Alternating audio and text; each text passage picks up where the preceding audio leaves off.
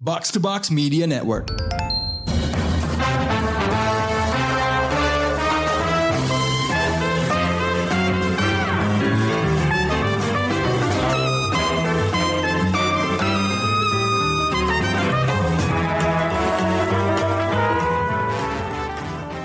Hai pendengar Showbox, selamat datang di Indonesia.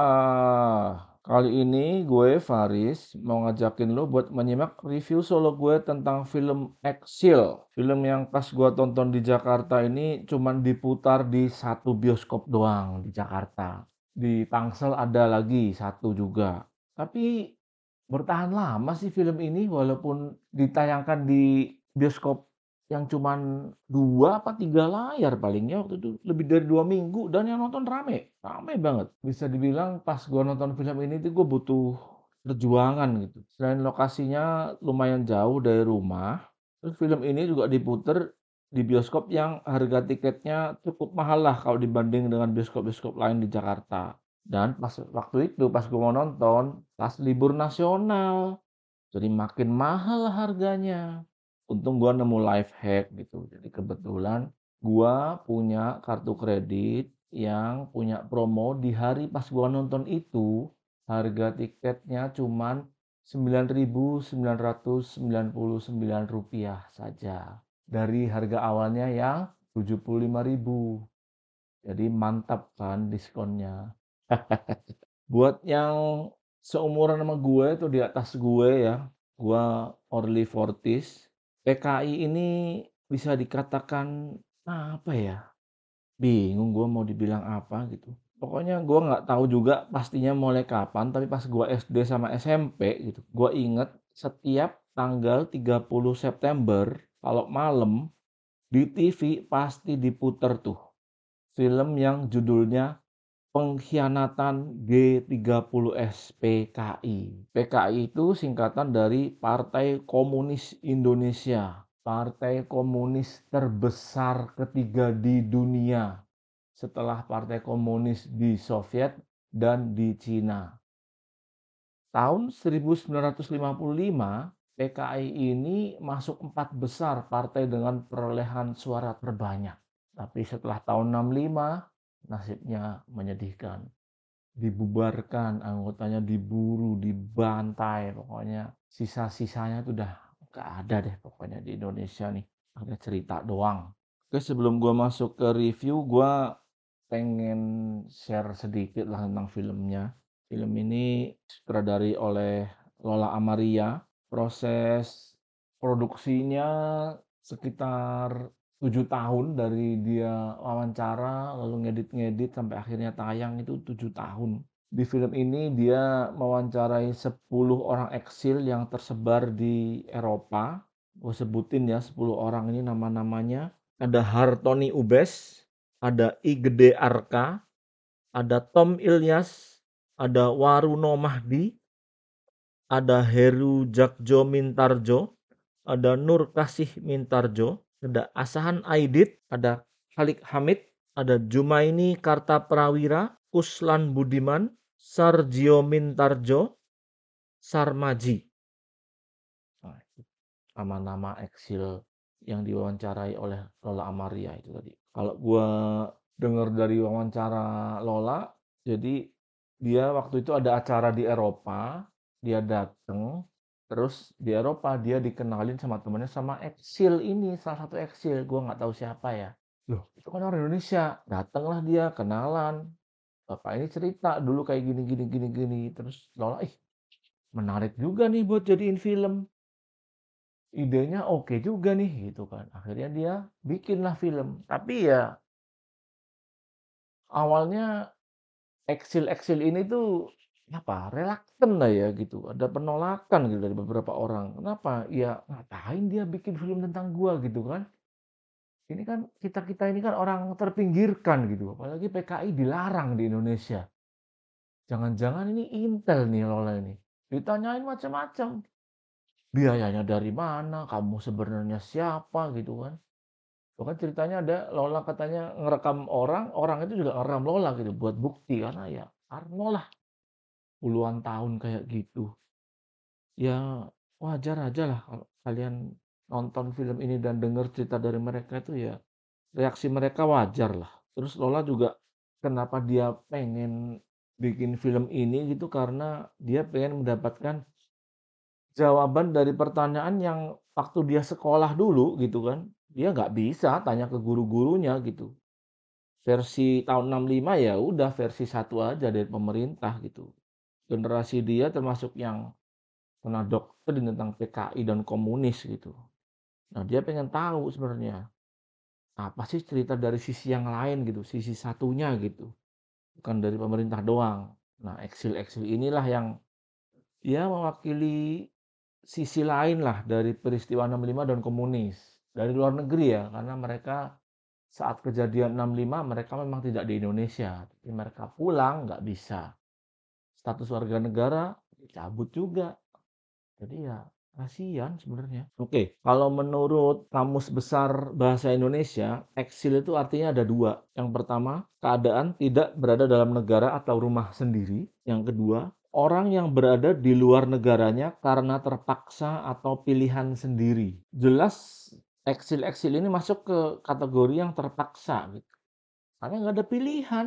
Kalau gue lihat sih mereka memang nggak mau mendukung pemerintahan Orde Baru gitu mereka dicap dan gue nggak tahu apakah semua yang masuk di film ini memang anggota PKI atau enggak gitu atau memang cuman nggak mau mendukung pemerintahan Orde Baru. Memang ada beberapa eksil ini yang anggota PKI gitu. Jadi itu semakin sulit kalau udah kayak gitu ya. Ya susah gitu lu. Udah percaya sama partai, lu anggota partai, diberangkatkan ke luar negeri oleh partai atau karena dia anggota partai, pas pulang partainya udah nggak ada, part ideologi yang dianut oleh partai yang dia sebagai anggota itu juga udah nggak boleh gitu kan. Ya mau gimana gitu kan. Ya pemerintahan waktu itu mungkin juga menganggap if you're not with us then you are against us gitu kan ya kalau lu nggak mendukung berarti itu lawan gitu lu lawan gua gitu kan ya udah akhirnya paspor mereka itu nggak diperpanjang pulang nggak bisa Jadinya mereka stateless, nggak punya warga negara. Kasihan kan? Yang gue suka dari film ini, ya kita bisa ngeliat lah, kita bisa denger gitu cerita dari sisi yang bisa kita bilang kalah gitu. Ya jelas kalau kita lihat sejarah itu PKI dan komunis itu di Indonesia adalah pihak yang kalah. PKI dibubarin, dibikin momok, bikin serem gitu kan ajaran tentang komunisme, leninisme, marxisme dilarang total. Jadi sejarah tentang komunis dan PKI itu ditulis oleh Orde Baru sebagai pemenang. Sejarah selalu ditulis oleh pemenang. Dan pemenang saat itu adalah Orde Baru. Puluhan tahun Indonesia ini didoktrin. Kita nggak pernah tahu cerita dari sisi yang kalah seperti apa. Nah ini Salah satunya gitu ya, karena mereka kan di luar negeri ya, tapi mereka dari pihak yang kalah, tapi di luar negeri gitu. Bukan di Indonesia memang, pas kejadian itu mereka semua di luar negeri gitu. Paling nggak kita bisa tahu. Mereka sendiri juga bingung kenapa bisa terjadi. Ya gue sedih sih pas dengerin cerita mereka. Bayangin aja puluhan tahun tuh nggak bisa pulang, nggak bisa kontak keluarga, nggak bisa kontak saudara, ayah, ibu, orang tua meninggal nggak bisa pulang, nggak bisa ikut memakamkan. Gila lu gimana? Perasaannya kalau kayak gitu. Ada yang waktu dia berangkat, istrinya lagi hamil, dan pas melahirkan dia nggak bisa ngelihat anaknya. Bahkan istri dan anak yang masih bayi itu dipenjara karena dia terafiliasi dengan PKI. Di penjara masih bayi. Akhirnya dia rela istrinya nikah lagi sama temennya gitu. Biar ya istilahnya biar selamat gitu, ada yang nanggung lah gitu. Itu apa itu? Bentuk cinta yang paling besar, yang paling ikhlas atau apa? Gue nggak tahu deh. Tapi sampai kayak gitu, gimana lu perasaannya? Bisa bayangin nggak? Nggak bisa. Tapi ya gimana lagi? Waktu itu kan memang lagi perang ideologi ya antara liberal yang dipimpin oleh Amerika melawan komunis yang dipimpin oleh Uni Soviet dua negara superpower yang lahir setelah Perang Dunia II selesai. Perang dingin kan? Jadi mereka nggak langsung perang frontal gitu, tapi perlombaan kan. Arms race gitu. banyak-banyakan nuklir, banyak-banyakan tentara, itu ditonjolin gitu.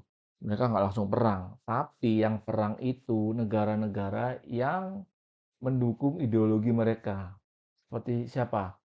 Korea, tuh perang kan, Korea Utara sama Korea Selatan. Sampai sekarang tuh nggak akur, masih pecah. Terus Vietnam, nah Vietnam itu kan juga perang juga, Vietnam Utara sama Vietnam Selatan. Yang menang siapa? Komunis. Cuman kalau di film-film Amerika nggak disebutin aja, nggak pernah tuh. Jarang lah yang ngakuin kalau Amerika kalah di Vietnam, kalau Amerika gagal di Vietnam. Terus ada Afghanistan yang di-backing oleh Soviet, tapi Amerika juga ngelawan, atau misalnya Kuba dengan Fidel Castro-nya itu, atau Amerika Selatan juga banyak presiden-presiden yang mendukung komunis, tapi Amerika lihat CIA itu mendukung gerakan-gerakan separatisme, pemberontakan, kayak gitu. Zaman dulu udah lumrah, termasuk di Indonesia. Ya PKI tadi gue udah bilang kan, partai komunis terbesar ketiga di dunia loh. Gimana nggak keder Amerika? Memang kalau teori konspirasi sih ada yang bilang gitu kan, Amerika dan CIA terlibat di 65, cuman buktinya bukti nyatanya belum ada, hanya omongan-omongan atau enggak ada dokumen rahasia yang udah dibuka tapi hanya menyatakan CIA masih wait and see nih untuk uh, ini gimana nih bantuin apa enggak ini masih wait and see aja. Jadi mereka tidak benar-benar membantu gitu ngelihat doang. Itu yang resmi sudah dibuka oleh pemerintahan Amerika. Ya Soviet atau Amerika pada waktu itu kalau ngelihat ada presiden diktator asal mereka memilih ideologinya yang mereka anut ya udah gitu kan misalnya Soeharto gitu kan, dia deket Amerika, sama Amerika udah deket. Lihat dari apa contohnya? Nggak lama setelah dia jadi presiden, dia langsung mengadakan kerjasama sama Freeport, perusahaan asal Amerika. Nggak lama, nggak nyampe setahun, itu kan bulan kalau nggak salah dia jadi presiden langsung kerjasama. Terus ya pelanggaran HAM segala macam nggak mungkin lah Amerika nggak tahu. Tapi ya dibiarin, kenapa? Ya dia dekat sama kita, ada kepentingan. Ya bukan komunis, komunis kan udah habis Indonesia. Oke aman, ya udah biarin aja lah. Atau ada kalau contoh lain misalnya Vietnam. Nah, kalau Vietnam ini beda sih. Dulu Vietnam dia yang mendukung Amerika itu ada orang-orang yang mereka kabur ke Indonesia di Batam tuh. Gua pernah lihat kayak kamp pengungsinya lah gitu. Pas udah damai, si pengungsi ini balik lagi ke Vietnam, tapi mereka ada pihak yang kalah gitu. Kalau kata orang-orang Batam, orang-orang Vietnam yang kalah itu yang mendukung Amerika udah dibalikin tapi nggak pernah sampai di Vietnam katanya. Entah dicemplungin ke laut atau gimana itu yang gue dengar waktu itu kayak gitu gitu. Terus kalau yang lain yang didukung oleh Amerika tapi diktator juga itu eh, diktator Chile namanya Augusto Pinochet ya. Kalian bisa googling lah kalau itu. Ini gue lupa siapa yang bilang di film ini tapi ada satu quote yang coba gue ulang ya. Jadi dia bilang Orde Baru sampai sekarang ini masih ada di pemerintahan sekarang. Dia cuma ganti jas doang gitu. Ya nggak salah sih, paling kalau lihat pemilu kemarin siapa yang menang tuh. Tapi beneran loh, ini ada beberapa pengalaman yang dialami oleh beberapa eksil di film ini ya yang tidak mengenakan gitu. Salah satunya Pak Tom Ilyas tuh. Dia udah jadi warga negara Swedia, dia pengen ziarah ke lokasi tempat pembuangan mayat-mayat korban pembantaian. Yang mana keluarganya itu udah korban pembantaian ini gitu dia datang ke orang tua yang masih ingat dibuang di situ gitu. Dia datang tuh ke salah satu lokasi. Wah, akhirnya malah diintimidasi sama aparat, di ya nggak enak lah gitu eh, perlakuannya ke dia gitu. Sampai akhirnya dia dideportasi. Padahal itu tahun 2015.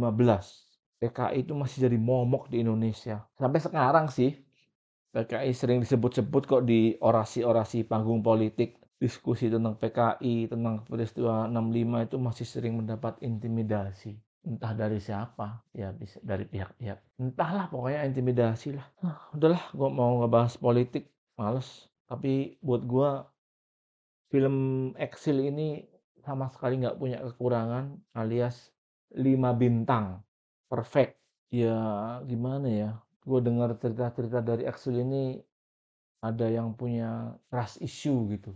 Dia punya pacar orang Rusia, tapi dia yakin bahwa orang Rusia ini mata-mata gitu. Jadi dia pacaran, tapi pacarnya itu akan ngelapor tuh ke pemerintah gitu. Dia ngapain aja, dia ke mana aja, kontak sama siapa aja. Akhirnya kan dia punya trust issue. Dia nggak bisa mencintai orang dengan sepenuh hati gitu karena ya itu wah ini orang ini ternyata ada maunya nih itu. Dia tahu dia nggak bener itu itu nggak bener sebenarnya tapi ya gimana udah udah kayak gitu gitu. Ada lagi yang dia memilih untuk tidak berkeluarga gitu karena dia mikir sewaktu-waktu bisa pulang ke Indonesia.